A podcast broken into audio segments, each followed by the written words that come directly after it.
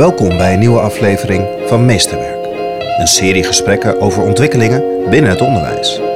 Dus het is ook heel erg belangrijk om in samenspel jezelf en de ander te leren kennen. Zo zeggen wij ook, jezelf zijn is een groepsproces. Wat je dus in samenspel leert en ontdekt. Dit is Meesterwerk. Anne, welkom in de podcast. Dankjewel. En voor de luisteraar, waar lopen wij? Vertel even eigenlijk hoe mooi het er hier uitziet. Ja, het is hier fantastisch. We lopen hier in de Soesterduinen, vlakbij de Bokkenduinen. Een, uh, een zandverstuiving die uh, naar mijn weten ontstaan is omdat de ijstijd, uh, in de ijstijd het ongeveer tot hier gekomen is. En vandaar de Utrechtse heuvelrug en allerlei natuurpracht ontstaan is. Ja. Ja. En je hebt me uitgenodigd, kom hier naartoe, dan gaan wij een gesprek voeren. De aanleiding is, is een beetje dubbel. Je bent Ja. speelcoach. Mhm. Dus daar hadden we al een keer contact over gehad. En afgelopen week werd er geadviseerd, werd wat ongenuanceerd ontvangen op verschillende media. Maar eh, ga die kinderen langer naar school brengen. Ja. Kort de vakanties in, verleng de schooldagen, want die kinderen die leren helemaal niks. En Ja. toen ging jij los. Had jij zoiets, ze leren helemaal niks. Ze doen nu het allerbelangrijkste wat ze moeten doen. Vertel. Precies. Nee, ik vond het een heel. ehm, in die zin wel een. eh, mijn eerste reactie heel erg inderdaad dat onderbuikgevoel van ja, hier gaan we tegen vlammen, mening geven en eh eens even heel goed stelling innemen. Toen een tweede keer gelezen en toen gedacht van hé, hey, maar hier, ehm, hier zit een grotere vraag, eh, denk ik, achter. Namelijk is dus ehm, als een kind een achterstand oploopt, wat ik al in die zin al een gevaarlijke uitspraak vind. Een kind wat achterloopt, een kind van achter dat achterloopt op wat dan? Op een leernorm. Maar laten we dat dan even hypothetisch eh, zo stellen. Is dan de oplossing eh, dat wij meer school, meer les, meer instructie gaan geven aan dat kind? Of zijn er misschien ook andere manieren eh, waarop het kind leert buiten school om?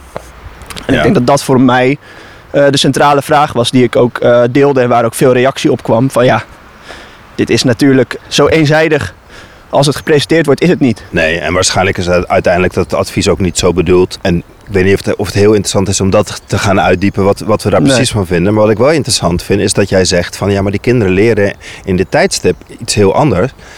En jij bent speelcoach. Dus neem ons even mee in het perspectief wat jij ervaart als, nou, als speelcoach. Nou, wij zijn als organisatie en we zijn ook een beweging, Sportveet heten wij. Wij komen vanuit de hoek van het sporten en het bewegen. Dus heel erg het bewegende kind door middel van sport in beweging brengen. Maar daar kwamen we eigenlijk al vrij snel op terug. Van ja, maar eh, we kunnen het kind wel laten sporten, maar daar is al, in alles is daar al aanbod in. Eh, daar is al heel veel. Nou, toen kwam ik ook het eh, werk van, ik denk een van de meest bekende speelgoeroes in die zin tegen van Peter Gray. Die er juist heel erg op, wees van hey, alles wat kinderen tegenwoordig doen, waaronder sporten, is onder toezicht van volwassenen. Dus wat een kind kwijtgeraakt is, is vrijheid. Nou, en toen zijn wij ons perspectief bij gaan stellen van oké, maar waar heeft het kind dan echt behoefte aan? En dat zit hem dus veel meer in het spelen. Ook uit cijfers van het RIVM waaruit blijkt dat de speelactiviteit van kinderen met 90% is afgenomen. Dus het kind is heel veel vrijheid kwijtgeraakt. Toen zijn we daar met spelen mee aan de slag gegaan. Eh, zo'n 2,5, 3 jaar geleden. En zijn wij ondertussen met eh 40 sportenveters actief in Amersfoort en omgeving. Puur en alleen om dat spelende, bewegende kind centraal te zetten. En is vandaar daaruit een verdieping ontstaan. Van oké, dat doen we nu. We helpen het kind nu om in beweging te komen en om te spelen. Maar wat is er dan nog meer? Nou, toen kwamen we bij de omgeving van het kind. Dus eh, we hebben een buurtspeelcoach. Ook daarin weer de, in taal de switch van buurtsportcoach naar buurtspeelcoach. Die zich daarin ook heel erg op dat spelende kind richt. En op de, het, de vrijheid van het spel. Waarin, dus wij richten speelclubs op waarin kinderen de baas zijn. Dus wij geven een training aan vier tot acht kinderen. En die gaan vervolgens twaalf weken lang hun eigen speelclub runnen. En zijn daarin verantwoordelijk voor eigenlijk alles. Eh, nou, daar zijn wij in, Amersfoort nu mee gestart. Samenwerking met de SRO en met de gemeente. Ja, en dat levert prachtige resultaten op. Van eh, speelclubs waar 30, eh 40, op een gegeven moment bij één evenement zelfs 100 kinderen aanwezig waren. Waarvan wij er nul uitgenodigd hebben. Dus het laat ook de potentie zien van kinderen als je ze eh, de ruimte geeft om te doen wat ze graag willen en wat ze kunnen. Om dat dan op te pakken. Nou, en vandaar dat hebben we de buurtspeelcoach en de speelcoach bedacht. Van hé, hey, wat gebeurt er nou als we, eh, wij noemen dat proces kleiner groeien. Dus als professional uit de wereld van het kind durven stappen. Zodat het kind weer de ruimte krijgt om iets te gaan doen. Want willen we dat kinderen groeien, ja, dan is ruimte een essentiële voorwaarde. Ruimte en voeding, dat is wat tot groei leidt. Ja, en die ruimte zien wij dat die uh, in het leven van heel veel kinderen ontbreekt. Vertel, wat, wat zijn ze aan het doen en, en wat zie je dat er bij die kinderen gebeurt? Um, ze hadden een verstoppertje in de school georganiseerd. Ze hadden de schooldirecteur gevraagd, uh, of de schooldirectrice was het in dit geval geloof ik, uh, gevraagd van mag dat? Mogen wij in de school spelen? Kinderen uh, enthousiast gemaakt, flyers gemaakt. Een aantal van de clubs maak ik eigen Instagram pagina's aan. Gewoon puur om ze dat ook dat stukje eigenaarschap te geven. Ja, en vervolgens zie je, zie je dus dat die kinderen gaan spelen. En dat er ook wel enkele kinderen zijn die daar dan ja, die daar toch net niet mee om kunnen gaan. Een groep van 100 is eigenlijk ook wel groot. Te groot misschien wel, uh, in die zin een te groot succes. Maar je ziet vooral dus dat kinderen weer enthousiast raken van hé, hey, uh, wij kunnen dit zelf. En wij zien dat als een, soort, als een soort ultieme bevestiging van als je het kind de ruimte geeft, dan gaat hij weer stralen. Dan gaat hij dat weer, gaat hij dat weer doen. En het is dus ook niet zo dat we, dat wil ik ook graag even noemen, dat we zeggen dat er een heleboel dingen zozeer fout zijn. We zijn niet tegen wat er nu gebeurt, maar wel dat de balans zoek is geraakt. Nee, maar eigenlijk doe je gewoon een appel om weer de ruimte aan die kinderen te geven voor een deel om te spelen. En een Ja. deel wat ik jou beluister is het faciliteren van de ruimte om te spelen. Exact, ja. Wij werken op basis van drie pijlers. Ehm, en dat zijn eh, liefde, veiligheid en vertrouwen. Nou, de eerste pijler van liefde is voor ons het, het welkom zijn. Dus het, ieder kind mag er zijn zoals hij of zij is. Dus niet als iets wat we kunnen ontwikkelen naar iets wat er mag zijn, maar iets wat al, er al mag zijn. Nu, hoe- in het huren nu. Tweede is dus de veiligheid. Dat wij, onze verantwoordelijkheid is om het veilige klimaat te creëren voor die kinderen, zodat zij ook af durven te wijken. We kunnen wel zeggen dat je af mag wijken, maar als we dat niet actief benadrukken dat we allemaal anders zijn, dan is die veiligheid er alsnog niet. Dus dan gaat iedereen zich alsnog. En die twee voorwaarden, dus een veilig en liefdevol klimaat, van daaruit durven wij de ruimte te geven. En dus ook de verantwoordelijkheid aan het kind. Van hé, hey, eh, hier is die ruimte, pak hem maar. En als het even niet lukt, dan zijn wij er. Daar kan op zich natuurlijk niemand tegen zijn. Hè? Tegen ruimte, verantwoordelijkheid, liefde, Nee. veilige omgeving. Wat kan het onderwijs hiervan leren? Hoe kan het onderwijs spelen meer integreren of een plek geven? Of ben je daar juist het antwoord op? Nee, dat, dat, is, dat, is, dat is een mooie vraag. Wij zijn, wij zijn nergens het antwoord op. Wij, wij, hebben geen, wij, hebben geen, wij hebben ook geen oplossing. Ook de oplossing niet. Wij kijken meer vanuit een visie. Dus wij hebben de visie dat als wij gaan spelen, dat zich dan dingen zullen vormen die we als oplossing gaan beschouwen. Maar wij hebben die oplossing ook niet. Wij weten ook niet hoe het moet. Ik denk dat dat de eerste stap is. Namelijk het erkennen dat wij het ook alle, wij niet weten. Dat niemand het eigenlijk precies weet. En als je niet precies weet wat de oplossing is, als je niet precies weet van hé, hey, we moeten naar eh, deze lengtegraad en deze breedtegraad, dan weet je nog niet waar je naartoe moet. En als je nog niet weet waar je naartoe moet, dan moet je dus eerst gaan verbeelden waar je naartoe wil. En dat is spel. Dan moet je een wereld gaan bedenken, een wereld gaan vormen, waarvan je denkt, hé, hey, dat lijkt mij nou een prachtige wereld om in te leven. Dan moet je kinderen gaan vragen, hey, hoe, zou hoe zou jij graag je wereld zien? Maar dan moet je ook onderwijzers gaan vragen, hoe zou jij graag je wereld zien? En als we die vraag gaan stellen en daarin met elkaar het spel durven te gaan spelen, ja, dan, is, dan, dan, dan zal dat ontstaan. En dan zal die werkelijkheid zich ook langzaam gaan vormen naar die verbeelde werkelijkheid. Maar we zullen het ons eerst in moeten beelden en eerst moeten bedenken, spelende wijs, voordat we ook in beweging kunnen komen en dan ook eh, die route af kunnen gaan leggen. Hoe creëer je dat en wat zie je dat, dat het in het gedrag of in de groei of in de vorming van die kinderen opbrengt? Waarom is het zo belangrijk dat het er is? Nou Ja, omdat we in een, ik denk in een wereld leven die heel, uh, op dit moment heel schadelijk is voor, voor spelen. Dus we leven in een enorme prestatiecultuur. Waarin de prestatiecultuur van we moeten presteren. Op een consultatiebureau krijg je al te horen of je kind voor of achterloopt. Uh, er zijn CITO-toetsen beschikbaar voor kleuterklassen. En alles gaat daarin door. Waarbij het ook nog eens heel eenzijdig cognitief is. Dus het gaat allemaal om hoe slim is het kind in een heel klein spectrum van waar je allemaal slim in kan zijn. Het is individualistisch. Dus het gaat om uh, hè, prestatiecultuur zou je nog van kunnen zeggen. Ja, maar als we toch, wat is er nou op tegen? Dat we met z'n allen zo goed mogelijk uh, willen eindigen. Dat we onze kinderen zo goed mogelijk ontwikkelen. Ja, niks. Alleen die prestatiecultuur is heel, heel individualistisch. Dus het is één kind wat het moet en niet de groep die daar komt. En zo zijn er allerlei factoren waar, waarin we zien dat als je de... Nou ja, dat is ook wel uh, bijvoorbeeld in het hoofdstuk over de homo ludens van Rutger Bregman komt het ook wel naar voren van dat we aan de ene kant die wens kunnen hebben dat kinderen dat gaan krijgen, maar dat we er ook begeleiding bij moeten geven. Omdat ze het niet gewend zijn. Ze zijn die vrijheid niet meer gewend. En als wij, wat wij dus doen op schoolpleinen bijvoorbeeld, is dat wij uh, kinderen tot junior sportenveter opleiden. En kinderen zo de pauze begeleiden en activiteiten begeleiden van kleuterklas tot en met groep 8. En daarin dus ook dat stukje zelfstandigheid krijgen, training en, en ondersteuning krijgen van de professional.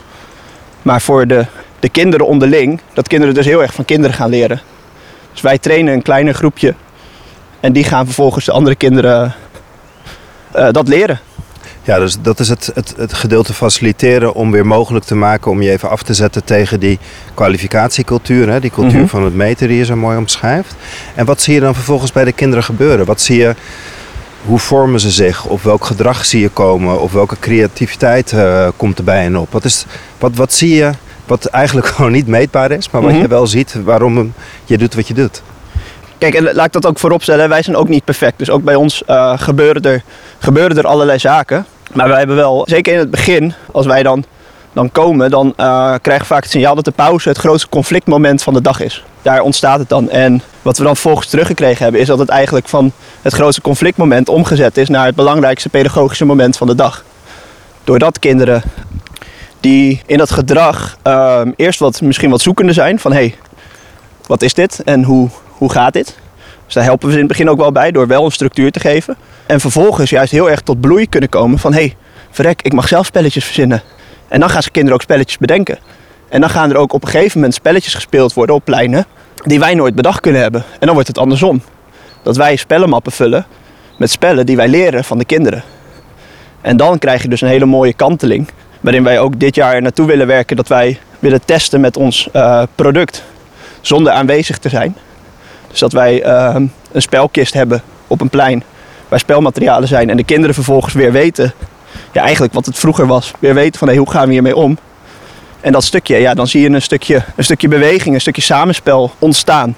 Je geeft aan, uh, we worden benaderd met de vraag, het, het speelkwartier of eigenlijk de vrije ruimte, dat is het conflictmoment. Wie komen er bij jullie aankloppen? Ja, wij werken uh, voornamelijk op scholen en op BSO's. Er zijn natuurlijk allerlei allerlei factoren uh, die, die, daar, die daartoe doen. En daarin ja, verschil, verschillende vragen. Ik, ik weet dat is. De ene zegt inderdaad, het is een conflictmoment. De ander heeft een. Uh, de ander heeft dat ze graag wat meer met de beweging willen. Er zal ook tussen zitten dat er een stuk werkdrukverlaging is. Dus dat wij gewoon als professional gevraagd worden: hey, kunnen jullie die speel- en beweegpauze bij ons faciliteren? Zodat wij tijdens de pauze ook echt pauze hebben. Maar het is zo schrijnend dat, dat de vraag om hoe gaan wij om met de vrije ruimte, dat dat een vraag is waar hulp bij gezocht wordt. Ja. Hoe heb jij als kind gespeeld?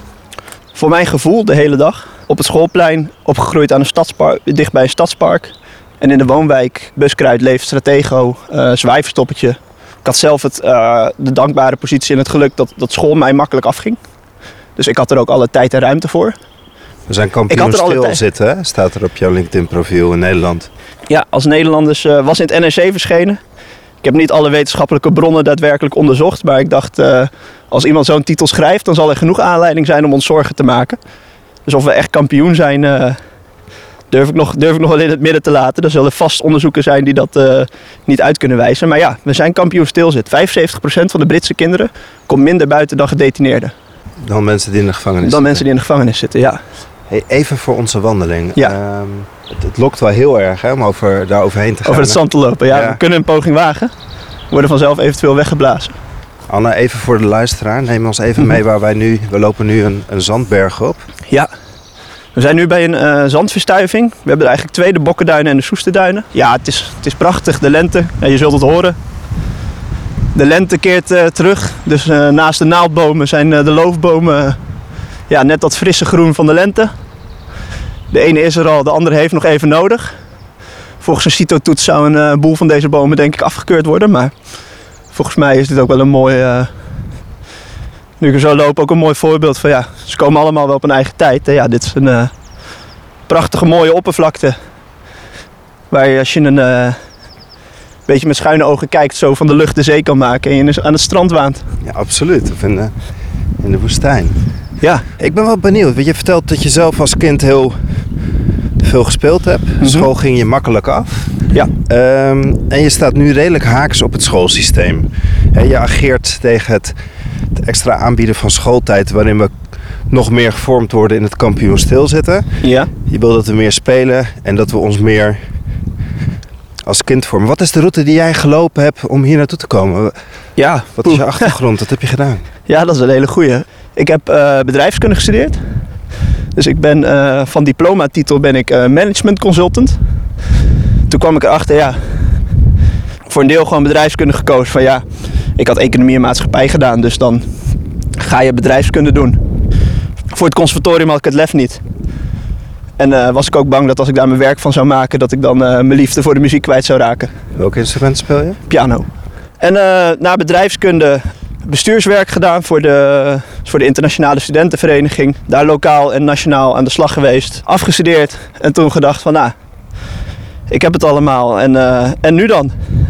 Ik heb een half jaar in Nepal gewoond als pianoleraar. En van daaruit eigenlijk nog een aantal jaar rondgezwerfd in het werk met adviesklussen, horeca en uiteindelijk uh, nog een jaar actief geweest bij Rabobank als friskijker en dwarsdenker.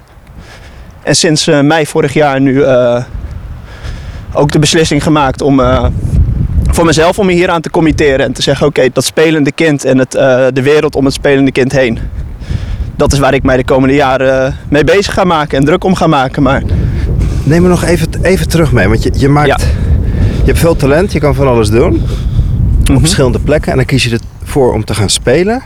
En dat ben je aan het faciliteren. En je ziet waar tegen je wil ageren. Je wil geen kampioenen stilzetters hebben, maar je wil kinderen die, die spelen. Maar wat is nou die kern van dat spelen? Waarom? Wat, wat brengt het die kinderen? Wat zie je dat het die kinderen oplevert? Die honderd die aan de slag gaat? Ja. Je noemt in de zijlijn van alles, maar wat is nou echt de kern dat jij besloten hebt... ik ga niet bij de Rabobank carrière maken... Mm -hmm. Maar ik ga me inzetten voor spelende kinderen. Waar ja, zit het in? Ik denk in een stukje mij bevoorrecht voelen. Uh, als persoon en als mens. En daaruit, van daaruit ook het stuk dankbaarheid uh, willen tonen van... Hey, en daar spelen dan mijn... de wereld waarin ik dat doe. Maar ook dat stukje voorrecht wat ik heb, wil, wat ik heb mogen ervaren. Uh, om dat voor meer mensen en voor meer kinderen mogelijk te maken. En een wereld te creëren waarin dat voor iedereen in principe mogelijk, mogelijk is. En, in spelen vind ik die wereld. Het heeft mij on, voor mij is het meest, voor persoon met spelen de meest, dat ik achter de piano, tien jaar lang achter de piano heb gezeten. En eigenlijk toen ik ben gestopt met de boeken voor me te bekijken. En gewoon achter een piano ben gaan zitten en gaan kijken van hé, hey, maar wat wil ik nu eigenlijk spelen? Wat, wat komt er nou als ik voor de piano ga zitten en ik ga toetsen aanslaan? Wat dat mij gebracht heeft in de muziek, ja, dat heeft die, die tien jaar daarvoor ben ik heel dankbaar voor. En die techniek helpt me absoluut. Maar wat ik toen vond, ja, dat heeft ervoor gezorgd dat ik de rest van mijn leven muziek zal blijven maken. Ik heb de, ja, wat is dat dan? De, de bezieling, de liefde ervoor, de, de pure intrinsieke motivatie van hé, hey, dit is, ja, dit is, dit is wie ik ben. Dan kom je bijna in een soort uh, divine inspiration-achtige en staat dat centraal bij spelen in zijn algemeenheid? Of je nou op een piano speelt of op een schoolplein of dat je speelt met levend satego. Ja. Spelen in essentie dat het een, een appel doet op het intrinsieke. Ja, ja dat is een van de, de, de eigenschappen van spel ook. Is dat iedereen meedoet vrijwillig. Uh, dus zodra er een verplicht element, een verplicht karakter aan zit, uh, dan kun je het eigenlijk geen spelen meer noemen. Volgens de definitie van spel. Dus iedereen is er omdat hij of zij daar wil zijn niet omdat het moet. Je refereerde net aan Homo Ludens. Hè, in de, mm -hmm. de, die term komt natuurlijk van het boek Homo Ludens zelf, waarin dit centraal staat. Als ja. jij nu kijkt naar die kinderen die, die je hebt begeleid in Amersfoort. En je, en je refereert het even uh, ook aan je eigen pad. En aan die intrinsieke motivatie en die vrijheid om te spelen. Zie jij dat dat al opbrengt door wat jullie doen? Door die, speelactiviteiten te faciliteren en te organiseren met hen? Zou ik nog te vroeg vinden om daar echt... Uh, we zijn daar in, januari zeg maar echt, echt mee gestart. En nu ook wel aan het kijken van hey, wat kun je dan aan uh, effectmeting doen als we het over spelen hebben. Juist omdat het zich dus voor je gevoel ook niet laat meten. Dus dat is ook wel een centraal vraagstuk waar we ook met de Hogeschool Utrecht vanuit spelagogiek en ook met de buurtsportcoaches Amersfoort wel mee bezig zijn van oké, okay, maar prachtig verhaal, prachtige claims, maar wie vertelt ons dat we over vier jaar niet achteraf zeggen van ja, dit was het blijkbaar ook niet. we moeten langer naar school. Ja, we moeten langer naar school. Ik ben nog even benieuwd naar de combinatie spelen en sporten. Ja. Je, je komt hier aangefietst op een, op een racefiets en je ziet heel sportief uit. Ehm, en je begon je verhaal ook echt dat jullie vanuit sport begonnen. Mhm. Waar zie je echt de, de, de versterkende werking van het sport voor het spelen? En waar ook niet? Ja, ik zou wel durven pleiten dat de prestatie bij beide in zekere zin centraal staat, maar dat de vorm waarin je wil presteren heel erg anders is. Nou, bij sporten is het doel om te winnen. En vaak zit daar nog iets aan gekoppeld, dat er een soort ranglijst, een soort rangorde is, waarin je kan stijgen en dalen door middel van winst en verlies. Dus ehm, je verhoudt je tot anderen, tot sportteams, tot andere ploegen. Verhoud je je toe door wedstrijden te spelen en te winnen. Terwijl spelen, ik durf, niet, ik durf niet het pleidooi te maken dat als ik mezelf herinner in mijn spel, of ook als ik nu ga spelen. Wij hebben bijvoorbeeld een eh, trefbalvereniging, daar wordt vol overgave gespeeld. Er wordt wel rekening gehouden met elkaar, maar er wordt ook vol overgave gespeeld. Dus ik ben echt wel bezig met maximaal presteren op dat moment. Alleen meet ik die prestatie niet zozeer af aan of ik hoger in de orde kom. Want de score houden we wel bij, maar we vergeten hem weer zodra we klaar zijn. Sporten is bijna een soort spelen met geheugen af en toe. Het spelelement. Het spelelement hebben beide. Alleen bij sporten word je dus herinnerd, uh, word je dus voor langere tijd herinnerd aan het feit of je gewonnen of verloren hebt. Terwijl bij spelen leer je ook wel omgaan met. Er zijn een heleboel vormen van spel waarin je ook wel om leert gaan met het winst- en verliessysteem. Je wordt er alleen niet een dag later nog aan herinnerd. Het staat niet op je rapport, bij wijze van. Maar als je kijkt naar de game-industrie, die nu hoogtijd uh, viert mm tijdens het coronavirus. Ja. Daar zit juist heel erg het speelelement om een level verder te gaan en, en elke keer weer ook in samenwerking verder te komen. Er, zit juist, er wordt een enorm appel gedaan op dat verslavende deeltje van verder en hoger komen. Ja, ik denk dat het niet, dat het niet, dat het niet zoveel nut heeft om te zeggen of het, of het goed of fout is. Het gaat om de, gaat om de mate waarvan uh, dat is. Ik, ik, ben, ik, ik game zelf ook nog redelijk uh, vervent. En ik vind het ook leuk om uh, spelletjes te spelen met mensen waarvan ik weet dat zij goede tegenstanders zijn. Um, als een goede schaker met mij gaat schaken, daar heeft hij niet zoveel aan, want ik ben niet goed in schaken. Dat kan leuk zijn als we gewoon voor de ontspanning een potje schaken doen. Maar er kunnen ook, zullen ook momenten zijn dat hij denkt... ja, maar nu wil ik gewoon even echt lekker, lekker los kunnen gaan... tegen een waardige tegenstander. Ja, dan, dan ben ik niet die persoon. Dus het heeft allebei zijn plek. En allebei zijn, zijn ruimte. Het kan elkaar versterken. Kijk, um, ik vind het mooiste voorbeeld daarvan... een van onze grootste missies is... buitenspelen zou een vak op school moeten zijn. Johan nou, Cruijff. Johan Cruijff, exact. Um, en ik vind dat dus heel mooi exemplarisch voor, voor een en-en gedachte. Dat de allergrootste topsporter die Nederland ooit gekend heeft ervoor pleit dat kinderen leren buiten spelen op de school. Dus het is ook een mooie, zelfs al zouden we uh, vanuit die prestatiecultuur gaan denken, dan nog zou je dus moeten luisteren, in zekere zin, naar de allerbest presterende voetballer ooit, die zegt, ja maar je moet buiten spelen op school. Dus er zit bijna een soort mooie volle cirkel in, als je die lijn van Johan Cruijff volgt, van ja, maar zelfs al is dus het doel, wat niet mijn doel is, maar het doel is dat je die supergoeie voetballers vindt, laat ze dan alsjeblieft buiten spelen. Want Cruijff zei dat hij voor, volgens mij in ieder geval voor de helft heeft leren voetballen in Betondorp. Als we dat nou gaan doen, wat levert dat op? Wat hoop je dat het ook jouw bedrijf gaat opleveren? Bij die kinderen. Dus de, de wat meer schokkerende feiten, als in dat we motorisch steeds slechter worden, dat we, dat we dikker worden. Dat we ook met uh, burn-outs die op steeds jongere leeftijd en steeds massaler plaatsvinden, zien dat er een stukje maatschappelijk, laat ik het zo zeggen, maatschappelijk gewin te halen valt. Waar de spelen echt, echt bij helpt en echt aan bijdraagt om dat te voorkomen. Omdat je beweegt, omdat je speelt en ook omdat je door samen te spelen uh, met anders denkende, met anders spelende kinderen je emotionele en je sociale vaardigheden ontwikkelt. Eigenlijk is het sociale aspect dat de mens zo'n sociaal wezen is, is waarom wij denken dat de mens zoveel speelt. En daarnaast geeft het vanuit het individu gezien, dus vanuit de uh, kinderen gezien, de kans om jezelf te ontdekken. Dus in, in het samenspel leer je wie je zelf bent. Als je het spelletje altijd in je eentje speelt, dan kun je wel denken dat je iemand bent, maar dat weet je helemaal niet. Als ik in mijn eentje door in een bos opgroei als kluizenaar, dan kan ik wel stellen, ik ben dit en dit. Maar als ik niemand tegenkom, heb ik ook niemand om dat aan te spiegelen. Dus het is ook heel erg belangrijk om in samenspel jezelf en de ander te leren kennen. Zo zeggen wij ook, jezelf zijn is een groepsproces. Wat je dus in samenspel leert en ontdekt. Waar ik dan nog even benieuwd ja. ben, want het is een coronatijdperk. En de aanleiding is dat jij natuurlijk een beetje ageerde tegen... doordat kinderen nu veel thuis zitten... Uh, mm -hmm. versterkt het eigenlijk die kansenongelijkheid. Hè? En jij zegt van... kinderen leren nu heel veel meer dan alleen maar stilzitten. En dat is juist ontzettend waardevol. Ja. Ik moet heel eerlijk zeggen dat ik door het coronatijdperk... ik heb nog nooit zoveel kinderen buiten zien spelen als nu. Ik heb nog nooit zoveel kinderen zoveel ruimte en tijd gehad om te kunnen spelen. Als ik bij mij thuis kijk. Heerlijk.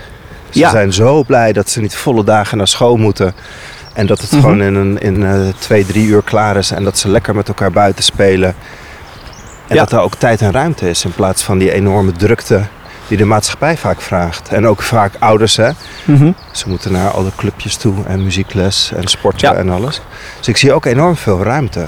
Biedt het corona- corona-tijdperk daar ook echt een opening in, zie, dat jij ziet? Ja, dat denk ik, denk ik wel. Ik denk dat het coronatijdperk een heleboel problemen blootlegt die al heel lang spelen. Nou, waarin je dus een, eh, heel erg nu zo'n juist nu eh, beweging op voelt komen. Terwijl ik denk, ja, maar dat is terecht en mooi dat die initiatieven er nu zijn. En die aan, maar dit, deze problemen, die spelen, al, die spelen al heel veel langer. En welke problemen zie jij? Eh, nou ja, bijvoorbeeld dus het, het kind dat te weinig speelt. Dat ik een artikel op de NOS van vier jaar geleden lees. En denk van ja, ze kwamen toen ook al. Driekwart van de kinderen kwam al niet meer dan een uur buiten. En dan kunnen we gaan pleidooi, een pleidooi houden voor dat kinderen meer naar buiten moeten. Maar we hebben ook niet echt het verleden om op terug te vallen van... eh, Dat deden daar we al. willen we, dat deden we al. Nee. Want dat die kwetsbare kinderen er zijn, dat lijkt mij ook evident. En dat we daar dus ook die, eh, die veiligheid aan moeten geven, dat is ook super belangrijk. Want niet iedereen krijgt die situatie vanuit thuis. Niet iedereen heeft die ruimte om vanuit die thuissituatie ook te gaan leren. En daar ontstaat natuurlijk wel, als je dus mijn filosofie als de waar, tot de waarheid zou verklaren en dan ook als enige toe gaat passen, ja, dan gaat dat kansenongelijkheid ook enorm eh, stimuleren en vergroten. Het gaat erom om een balans te vinden tussen, hé, hey, wanneer heeft een kind ruimte nodig en wanneer heeft een kind juist die veiligheid en die structuur ook nodig. En daar is niet één antwoord op. Het is niet van eh, alle kinderen tussen drie en vijf speelruimte geven en het komt allemaal wel goed. Spelen is ook niet in die zin een magische wereld waarin alle problemen verdwijnen. Er zijn net zoveel problemen en moeilijkheden als in elke andere wereld. Maar het geeft kinderen wel die andere kant van zichzelf, die ze daar ook kunnen ontwikkelen. Hey, welke ambitie heb je zelf nog? Persoonlijk heb ik de ambitie om te zoeken om dit dus ook meer spelende wijs vorm te gaan geven. Maar ook meer vanuit het samenspel. Dus ehm, iedereen mag meespelen. We vergelijken het vaak met een trein die op het, eh, op het perron staat. Waar wij ook zeggen, ja, de trein gaat vertrekken. Want we zitten ook in een, eh, naast alle mooie woorden, we zitten ook in een crisis. Dus we gaan er wat aan doen. Dat is niet optioneel. Maar of jij mee wil doen of niet, dat is wel optioneel. Dus of jij mee wil gaan in die, in die beweging voor spelen, ja, dat is, dat is, dat is nu een keuze. Nou, en daarin zullen we af en toe een tijdje zeggen van ja, maar we zijn nu aan het spelen. Spel is in die zin ook exclusief. Je kan niet altijd halverwege meedoen eh, als er een spel gespeeld wordt. Maar wel elke keer als dat spelletje dan gespeeld is, weer die uitnodiging openen van hé, hey, wie willen er nu spelen? En die open, oordeelvrije, liefdevolle blik blijven, blijven houden, blijven hanteren. Waar ik zelf voor mijn eigen gevoel de allerslechtste op de hele wereld in ben. Ja, daar, eh, dat is mijn persoonlijke missie. Dus elke andere mens ook als een spelend wezen beschouwen. Aan iemand met wie ik kan spelen en kan leren. In plaats van iemand die mijn eh, missie in de weg staat. Nou, mooi eind dan, hè? Dank je. Dankjewel voor deze ontzettend mooie wandeling op deze mooie dag. Mogen we Ja. eigenlijk mensen oproepen om hier te gaan wandelen? Of is dat juist... Ik zoek voor mezelf dus de uren op dat er niemand is. En zodra het te druk is, keer ik op. Ja. Nou, super dank voor deze wandeling, man. Dankjewel. Ja, jij ook. Bedankt. Meer podcastafleveringen van Meesterwerk zijn te beluisteren via Spotify, iTunes, Soundcloud of kijk op janjapubeek.nl. Je kunt deze aflevering een duimpje of een aantal sterretjes meegeven, zodat meer mensen deze podcast makkelijker kunnen vinden. Hoe dan ook, tot de volgende aflevering van Meesterwerk.